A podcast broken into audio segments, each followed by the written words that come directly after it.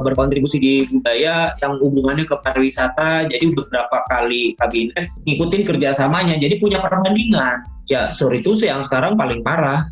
Wacana untuk reshuffle kabinet, salah satu nama yang paling mencolok adalah Wisnu Tama karena dianggap sebagai menteri yang nggak ada kerjanya. Bang Vicky setuju itu?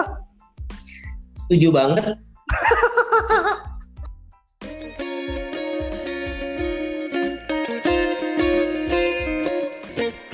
Jumpa kembali warganet di Tagar TV bersama saya Eno Dimejo. Kali ini Tagar TV sudah terhubung dengan salah satu musisi besar di Indonesia, Vicky Sianipar. Beliau dikenal Halo. sebagai musisi yang punya concern, punya perhatian lebih terhadap musik etnik di Indonesia di kancah world music ya, di internasional.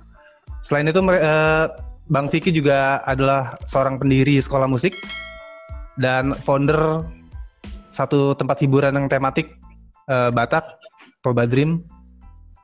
Selamat siang Bang Vicky. Selamat siang, apa kabar semuanya? Bang. Ya. Gimana nih COVID nih? Berimbas ke oh. semua bisnis ya? Uh, tergantung gimana ngelihatnya sih. Ini bisa jadi hal yang sangat mengerikan, tapi hal yang sangat menguntungkan juga bisa. Tapi um, sebelum kita lari ke sana, Bang Vicky. Ya. Mungkin beberapa penonton belum begitu mengenal Bang Vicky ya. Iya. Bang Vicky punya concern, punya perhatian yang begitu besar ke musik-musik etnik, musik daerah, musik tradisional Indonesia dan membawanya ke internasional, ke dunia internasional. Itu ya. dulu Abang tuh memutuskan untuk itu untuk lari ke situ ke musik tradisional tuh awalnya gimana bang dan sejak kapan itu dulu? ya sebenarnya sih aku nggak sepahlawan itu juga. Maksudnya dulu tuh aku juga parah banget yang anak Jakarta lahir di Jakarta yang ya standar lah mungkin selayaknya anak jutaan anak Jakarta lainnya yang kalau dengar lagu-lagu daerah tuh ya pasti ya nggak dipandang sebelah mata lah gitu hmm. loh image-nya jadi apa musik-musik low class gitu ya nggak gaul kalau kita bicara level remaja gitulah ya anak hmm. muda hmm. Uh, cuman ada satu masa aku agak kecemplung aja gitu loh hmm. agak kecemplung yang di, diminta untuk menjadi satu musik karakter konser uh, lagu daerah yang tadinya nggak mau gitu ya tapi karena dibujuk-bujuk mencoba membuka diri ya cari cara ya. Dengan proses sangat panjang nyari soulnya itu susah banget ya singkat ceritanya. Akhirnya aku bisa dapat lah hmm. ya dengan dengan teknik maksudnya ini lagu daerah ternyata mesti dipanjangin dulu ngambil esensinya aja jangan kemasannya baru bajunya diganti gitu loh. Hmm. nah setelah itu dilakukan ternyata itu keren banget men gitu loh. Eksotis banget Nah, aku cuma mulai berpikir, gila nih nggak banyak yang tahu. Terus kalau ini tidak dilakukan suatu pelestarian, 30 tahun lagi hilang gitu loh. Yeah. Akhirnya mulailah membuat sesuatu yang yang hidup di 30 tahun lagi tuh anak muda saat itu gitu loh. Hmm. Makanya akhirnya aku mesti mengemasnya seanak muda mungkin. Gimana caranya lagu daerah bisa masuk ke radio-radio anak muda modern gitu loh. Ya, itu festival apa tuh, Bang? Dan tahun berapa dulu? Dulu itu nama nama konsernya Safe Lake Toba uh. ya ceritanya buat pelestarian Danau Toba bikin konser uh, itu tahun 2001 hmm.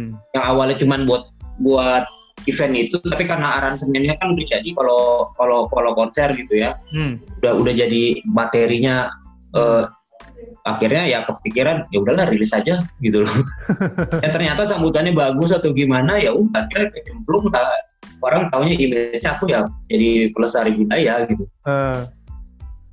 Nah itu Bang Vicky bawa ke mana aja tuh etnik musik di kancah world music di kancah internasional? Okay.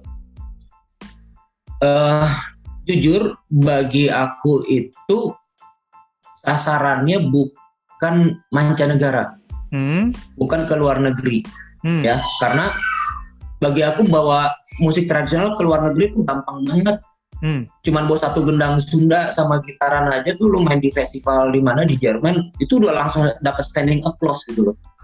yang mereka pun standing applause bukan karena yang mereka suka dengan komposisinya karena mereka melihat something new yang eksotis yang mereka belum pernah lihat hmm.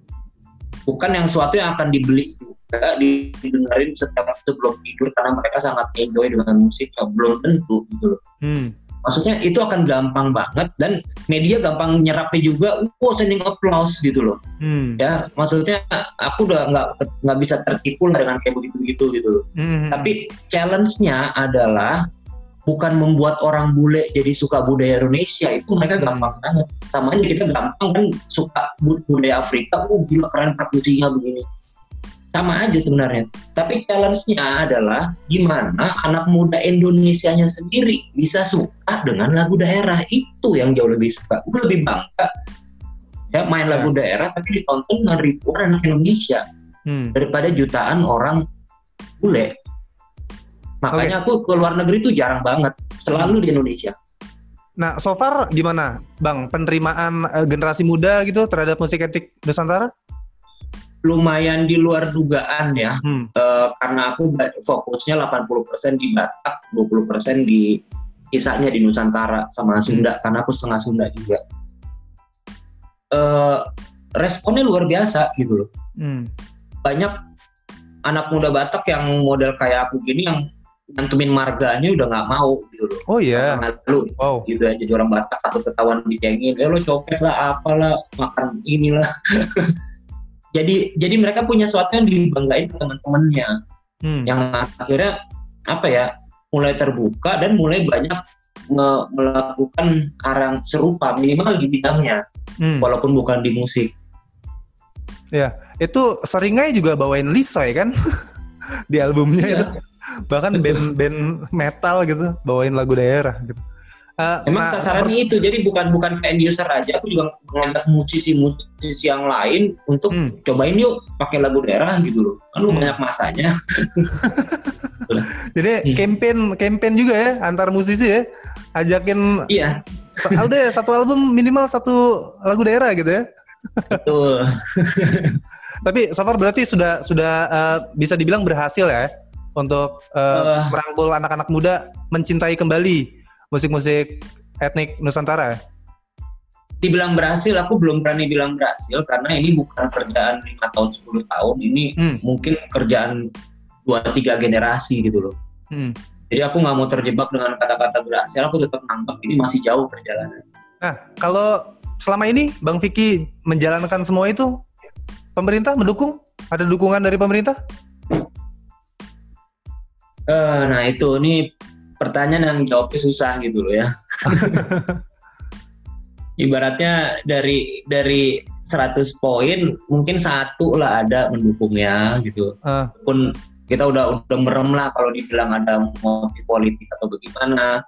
Mau dibilang oke okay, waktu itu Pak Jokowi lagi majuin Danau Toba banget, akhirnya hmm. para menteri butuh butuh kredit itu sehingga hmm. ikut membantu ya aku merem lah ya. Hmm aku nggak aku nggak nggak nggak etis kalau bila bilang tidak. Aku akan bilang iya. Hmm. Tapi dengan persentase yang begitu kecil gitu? Ya better than nothing ya. Karena kita udah tahu lah pemerintahan kita sejak 30 tahun lalu seperti apa gitu kan. Bukan yang baru kemarin. Jadi ya sudahlah syukuri aja apa yang ada Nggak, tapi kan maksudnya di era maksudnya aku nggak akan pernah minta ke pemerintah hmm. gitu. Tapi kalau di saat diminta sama pemerintah, aku siap dan selalu membantu selama ini. Hmm. Oke, okay. di era Pak Jokowi itu kan sebetulnya um, industri kreatif dipegang oleh orang-orang yang punya background industri hiburan juga. Kayak Backcraft, Mas Triawan dulu anak band di Giant Step segala macem. Terus kemudian sekarang uh, men, saat dilebur gitu di Kementerian Pariwisata dipegang bola oleh anak muda yang saya pikir berada di ruang lingkup hiburan juga kan Mas uh, Wisnu Tama gitu. Masa nggak ada nggak ada perhatian khusus gitu ke teman-teman yang memang ingin memajukan musik etnik atau musik daerah? Eh uh, yang pertama backcraft kalau berhasil dari gabung lagi dong. Yang kedua eh uh, oke okay lah kalau dibilang Mas Tama itu orang yang berhasil atau bagaimana tapi kan dia nggak bisa kerja sendiri oke okay. beda kalau dia kerja di perusahaannya dia sebagai owner dia bisa tangan besi tapi di Hmm. pemerintahan nggak bisa ada berapa lapis di bawahnya gitu Hmm. yang dia mungkin nggak nggak bisa menjamah semuanya yang sementara yang di bawah ini sudah mengakar orang lama mas mas Tama baru orang baru bisa dibilang walaupun pimpinan tertinggi Hmm. aku menurut saya sih tetap akan nggak bisa buat apa-apa sorry to say gitu loh Hmm. ya nyatanya juga nggak ada apa-apa Jadi selama ini memang memang tanda petik mereka tidak menyentuh sama sekali ya teman-teman yang sedang memajukan musik etnik gitu. Pemerintah dalam hal ini, kementerian. Eh makanya saya nggak bisa bilang tidak. Ada gitu loh. Tapi dengan kapabilitas dengan budget yang segitu Hmm. ya masa cuman segini gitu kan? Masih banyak kok yang musisi itu yang musisi etnik tuh yang kelaparan atau bagaimana gitu. Nah, kita nggak usah muluk-muluk lah maksudnya minimal ada rekaman ada catatan ada archive yang jelas gitu ya ada yang masih mem- mem- bisa melakukan musik root itu minimal hidupnya terjamin sehingga kalau ada kebutuhan dari luar negeri apa model kayak di Jepang gitu Hmm. ada gitu loh dan bisa menampilkan. Nah sementara kita ini ribuan jenis musik di Indonesia ini yang etnik gitu loh. Hmm. Mungkin 30 persennya aja yang masih ada pelakunya. Eh, Bang Fik, kalau mengenai hak cipta sendiri dari teman-teman di pemerintah ada perlindungan atau ada sudah beri regulasi yang oke buat teman-teman musisi Eh, etnik? Secara detail aku jujur eh, kurang kurang kurang paham ya. Oke. Eh, yang aku tahu sebatas oh hukumnya sudah ada, Hmm. itu kita udah terima kasih banget ya tinggal implementasinya dan eh, di sisi musisinya pun sudah mulai bersatu ada yang apa me- me- apa ya bersukarela ikut ngurusin gitu ya karena mungkin mereka juga punya haknya dan mikirin teman-teman yang lain dengan bikin ada di Wami ada di Selmi Hmm. yang walaupun ini tetap masih akan panjang prosesnya. Ya karena apa pun asosiasinya tetap kita tuh masih banyak trauma dengan asosiasi yang terdahulu gitu ya. Nanti Mhm. gimana begini begini. Tapi yang saat ini kebetulan aku lumayan dekat ke ke Wami ya orang-orangnya lumayan apa ya berintegritas lah. Hmm. tinggal butuh waktu ini masalah sosialisasinya sih sehingga mendapat kepercayaan ke semua musisi sebanyak mungkin. Karena itu trauma di masa lalu jadi akhirnya udah parno dulu kan begitu diajak ada asosiasi baru lagi gitu loh padahal yang ini beneran beneran bagus Nggak berarti Dan kalau akhirnya kalau dari melihat- pemerintah kalau dari pemerintah sendiri Bang Fik em, sebetulnya hanya hanya hanya regulasi aja ya.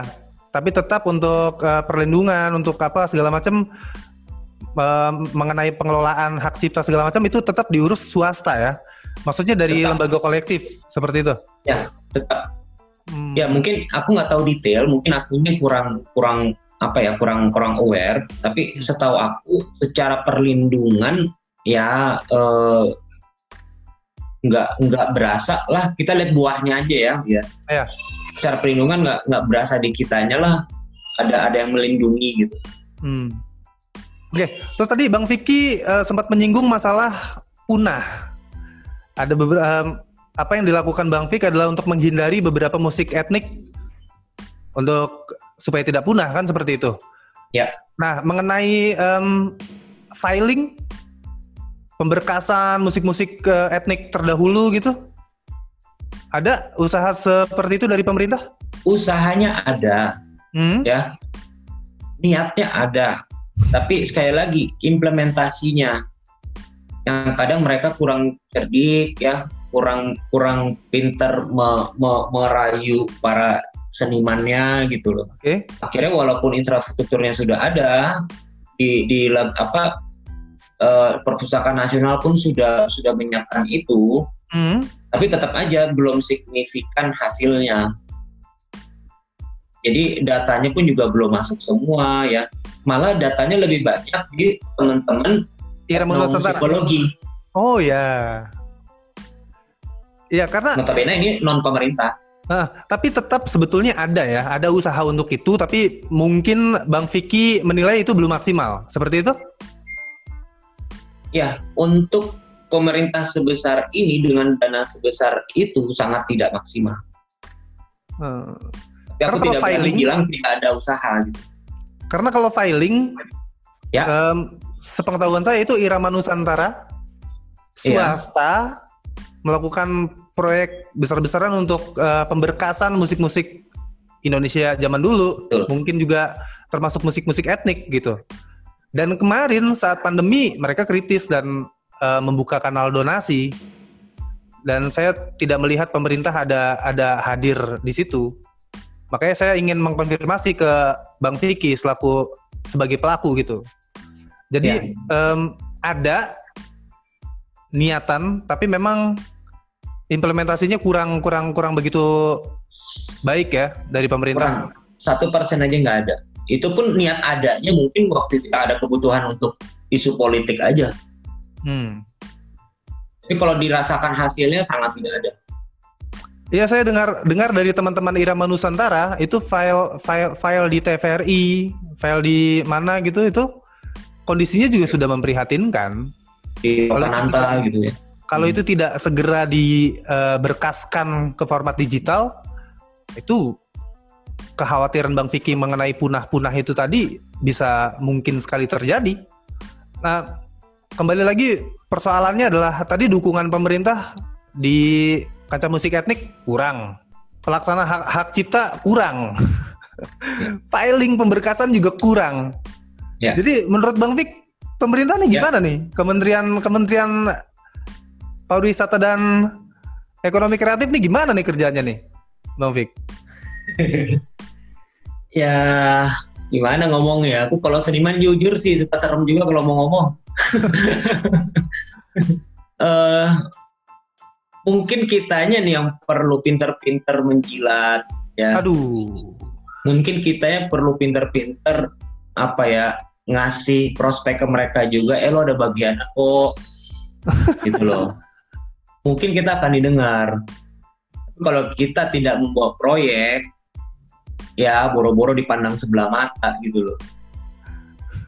Mau siapa pun itu, mau pelaku, walaupun orang baik di dalamnya, walaupun menterinya orang baik, tapi kita bicara ini birokrasi yang apa ya, organisasi besar. Uh. Yang ganti-ganti kan pimpinannya aja. tapi di bawahnya kan orangnya berpuluhan tahun di sana udah terjadi budaya Nah merubah budaya ini kan nggak nggak mudah, gitu loh. Okay. Apalagi era COVID gini dengan dana semikian besar gitu ya. Hmm. Mungkin mereka berharap juga ini selama mungkin. Jadi begitu aja tuh ya. Jadi mesti mesti ada lobby-lobby, mesti pinter-pinter pada petik tadi menjilat seperti itu ya bang. Iya. Kalau nggak ya, ada itu nggak akan diperhatikan gitu ya? Jujur ini baru pembahasan aku tadi malam, baru tadi malam sama Rika Ruslan gitu. Mungkin akhirnya kita mulai harus mencoba itu ya. Kemarin-kemarin mungkin kita masih ada tabungan, masih bisa bekerja, masih bisa ini sehingga bisa yang kokoh banget, idealis banget, tidak anti korupsi lah apa-apa apa-apa begitu ngeliat teman-teman sekitar itu udah teriak semua, udah mulai nggak bisa makan ya selama beberapa bulan. Dan ini bukan bukan bukan hiperbola ya. Hmm. Ini apa adanya gitu loh. Yang mereka udah sulit banget. Yang udah dikit lagi nih pulang kampung. Dan sudah banyak banget yang pulang kampung gitu loh. Mending hmm. mending kalau di sana kan bisa bisa nanam apa makan makan makan ngambil ikan lah apa lo bisa makan. Gitu di Jakarta belum tentu. Nggak maksudnya kayaknya kita sudah mulai apa deh mikirin itu juga terus terang hmm. bentar-bentar ngejilat bentar-bentar mana sawerannya nih ini begitu akhirnya mau nggak mau hmm karena belum melihat ada jalan lain. Seperti yang sempat tadi uh, saya buka di depan bahwa Bang Vicky selain sebagai musisi yang punya perhatian besar ke musik etnik Nusantara, beliau juga adalah uh, salah satu pebisnis dunia hiburan ya, punya punya kafe tematik yeah. Batak ya, Toba Dream. Itu yeah. gimana tuh? Sama juga tuh, terimbas juga itu, Bang Vick. Bisnis Total mati lah, semati-matinya. COVID-19. nah kemarin kan um, beberapa pegiat atau pekerja dunia hiburan kan berdemonstrasi juga tuh ke depan balai kota. Terus ya. beberapa musisi kayak uh, diundang ke istana gitu, ketemu ya. Pak Jokowi untuk membahas persoalan ini. Nah, sampai sekarang gimana, Bang Fik? Ada solusi dari mereka, dari pemerintah? Karena saya tidak di sana, jadi okay. saya harus bilang saya tidak, tidak tahu. Saya hanya dengar katanya, katanya, katanya. Ya, ya kalau katanya intinya musisi kaya itu diundang juga untuk cuma dihimbau sebagai influencer ke masyarakat, tolong dihimbau pakai masker. Titik. Sudah. balai kota balai kota is another story gitu ya itu memang benar-benar gerakan murni dari bawah tanpa domplekan politik hmm. lihat aja dari spanduk-spanduknya beda banget sama spanduk-spanduk yang bermotif agama yang bermotif hmm. buruh jelek-jelek banget spanduknya gitu loh ya gimana cuman pakai pulpen nama kertas apa adanya gitu ya beda sama yang motif politik agamis. Ya uh, keren-keren. Kaos-kaosnya keren-keren. Ya tapi memang mereka itulah apa adanya udah gak bisa makan. Hmm. dan jadi, jadi industri hiburan tuh yang paling terakhir pasti dibuka. Karena berarti apa konser itu kan yang density-nya paling pack gitu. Hmm. yang paling bahaya. Mungkin kalau udah restoran 100% buka gitu ya eh, apa eh, yang lainnya udah buka baru nih yang paling terakhir jadi kebayang lah berapa tahun lagi tapi kan mungkin ada gitu Bang Fik dari pemerintah kasih um, apa bantuan finansial untuk teman-teman band cafe yang Abang Vicky kelola? Hmm, tidak ada. Tidak ada. Karena kan berarti di hiburan masuk dalam kategori apa ya strata sosial kelas menengah yang dibantu hmm. pemerintah kan eh, ke bawah yang super miskin. Hmm. Yang sekarang sebenarnya itu udah nggak ada lagi semuanya udah super miskin gitu. Hmm. Cuman kan ngerti lah pemerintah juga butuh pencitraannya akhirnya disasarkan orang miskin ya di Indonesia ini emang kalau golongan menengah yang paling sial lah Gak ada karena um, saya sama Bang Fik mungkin sama berada di lingkungan pertemanan yang nggak jauh dari musik teman-teman saya yeah. band cafe yang suka main di Bali di Surabaya yeah. Jakarta itu yeah. sudah mulai menjual menjual gitarnya untuk bertahan hidup apa segala macam itu sama sekali nggak ada bantuan pemerintah gitu, Bang Fik? Yang saya dengar pun kalau emang ada teman saya yang masuk kategori miskin dapat bantuan itu potongannya udah mengerikan. Uh, tapi sempat Dan, ada itu? Uh, cuman dari mungkin dari 100 teman saya cuma satu gitu loh. Ada anak Bogor yang ngaku dapat, anak Depok yang ngaku dapat gitu loh bantuan, tapi sudah dipotong hmm. setengahnya. Wow. Nah, strategi Bang Vicky sendiri gimana itu? Be karyawan, terus kemudian band cafe yang dikelola Bang Vicky di tengah pandemi ini pun nggak ada bantuan dari pemerintah. Itu gimana strategi Bang Vicky untuk mereka bertahan hidup? Uh, jadi untuk saat ini yang aku nggak tahu yang lain ya, maksudnya yang saya lakukan, akhirnya kayaknya kafe-kafe harus berubah fungsi Hmm? Karena venue tempat hiburan konser yang biasanya buat off air itu harus dijadikan uh, on air ya. Jadi hmm. jadi yang apa yang true line gitu, yang streaming seperti ini. Nah itu pun kalau cuma sekali-sekali nggak bisa lah buat mata pencarian. Hmm. Gimana caranya rutin kan? Hmm. Nah untuk rutin akhirnya mau nggak mau jadi kayak media baru, seolah-olah kayak kita bikin TV. Hmm. Karena akhirnya kita ngisi aja lah semua tuh dalam tujuh hari itu ya kadang sehari bisa dua tiga kali menjadi sebuah karena kalau jadi satu konser aja bayar gitu ya bisa bertahan berapa lama sih gitu kan hmm. kali terus nunggu berapa lama lagi akhirnya kita mesti buat bukan hanya konser berbayar tapi yang sifatnya program weekly. Hmm. atau bahkan daily kalau memang layak layak jual. Akhirnya seolah-olah kan jadi kayak bikin TV station sendiri. Gitu hmm. Yang akhirnya kita semua belajar. Dan ini hal baru banget soalnya si, si streaming ini. Beda banget sama terestrial on airnya. Dan itu hasilnya juga hasilnya juga nggak langsung dirasakan uh, instan ya saat itu juga gitu kecuali mungkin lah. sistem streaming buka link donasi jadi akhirnya pada dasarnya uh, pengelola venue itu mesti me me merubah diri menjadi media. Hmm. Jadi kafe itu harus berubah menjadi media. Media dalam arti ini akhirnya jadi media streaming. Karena kafe lah yang punya peralatannya infrastrukturnya mendekati untuk dijadikan streaming tinggal tambah internet dan beberapa kamera sedikit sama switcher menjadi gitu loh. Yang tempat lain nggak bisa.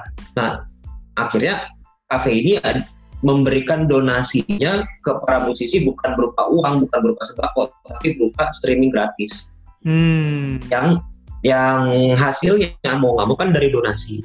Nah donasi biar buat kawan-kawan musisi buat hidup selama satu minggu Nah karena pengusaha kafe ya akhirnya mungkin ya mungkin masih bisa hidup beberapa bulan lagi buat dari tabungan, masih bisa menggabungkan apa uh, kekuatan dengan teman-teman yang lain dari agensi, dari perusahaan internet ya dari yang kenal-kenal hmm. untuk nanti sistem berbagi hasil bikin uh, uh, mengajukan ke sponsor-sponsor. Hmm. Tapi kan balik lagi sponsor butuh sesuatu yang berkualitas, butuh yang suatu sustainable. Akhirnya kita juga terpacu lagi untuk membuat infrastruktur dan suatu konsep-konsep yang menarik. Hmm. Memang akhirnya berpacu untuk berpikir sekali. Tapi ada yang secara fundamental berubah di sini adalah akhirnya mau nggak mau musisi, pengusaha kafe dan lainnya harus beralih menjadi media. Ya. Jadi pola pikirnya ke pola, pola pikir TV. Walaupun teori TV itu 100% hampir nggak bisa dipakai semua. Dan uh, seperti tadi saya bilang, hasilnya pun tidak instan. Uh, seperti orang manggung dapat bayaran gitu kan. Ini ya. ada jeda waktu khusus untuk akhirnya mendapatkan hasil itu. Betul. Untuk uh, nge-build up ini paling nggak butuh sekitar enam bulan sampai satu tahun gitu ya untuk bisa dapat kepercayaan sponsor mungkin. Hmm. Nah, akhirnya strateginya itulah kita uh, untuk sementara mau nggak mau kita minta donasi agak-agak ngemis-ngemis gitu. Hmm, Oke, okay. kalau saya rangkum dari tadi ya masalah musik etnik, uh, terus kemudian uh, nasib musisi kafe dan pengelola bisnis hiburan di tengah uh, pandemi COVID-19 nggak ada sama sekali kayaknya uh, campur tangan pemerintah untuk untuk membantu gitu. Kalaupun ada mungkin presentasinya sedikit sekali. Nah kemarin uh, saat rame-rame ada wacana untuk reshuffle kabinet, salah satu nama yang paling mencolok adalah Wisnu Tama karena dianggap sebagai menteri yang nggak ada kerjanya. Bang Vicky setuju itu? Setuju banget. Oke, okay, Ya nah. maksudnya aku karena di di musik etnik biasa apa ya e, berkontribusi di budaya yang hubungannya ke pariwisata, jadi beberapa kali kabinet ngikutin kerjasamanya, jadi punya perbandingan hmm. dengan yang terdahulu, dengan yang terdahulunya lagi. Ya sorry itu sih yang sekarang paling parah. Hmm. Tanpa mengurangi rasa hormat, aku sangat hormat dengan Mas Tama dari kabar TV juga udah sering kerja bareng gitu loh. Tapi ya selevel beliau aja nggak nggak nggak bisa perform di sana. Hmm. Yang aku pun yakin itu nggak se sepenuhnya salah Mas Tama. Hmm. Yang aku bilang tadi, ini udah puluhan tahun ada suatu kerajaan di sana. Hmm. Bahkan rajanya diganti nggak nggak ngaruh. Oke okay, oke okay, oke. Okay. Harapannya? Nggak tahu Mas yang kurang pandai, nggak tahu Mas yang kurang pandai menjilat atau gimana gitu ya terlalu idealis. Aku nggak ngerti mungkin yang dulu lebih pintar idealis eh lebih pintar menjilat jadi ada ada hasilnya dikit gitu loh oke okay. bang Vicky pertanyaan terakhir harapannya pemerintah gimana nih ke teman-teman musisi yang um, memang sedang apa ya memajukan musik etnik dan musisi-musisi kafe yang sekarang uh, situasinya lagi kejepit di tengah pandemi. Kalau harapan saya pemerintah sih sederhana ya. Maksudnya ya manfaatkanlah uh, musisi ya public figure mau baik yang dari paling kaya sampai paling miskin tanda kutip gitu ya.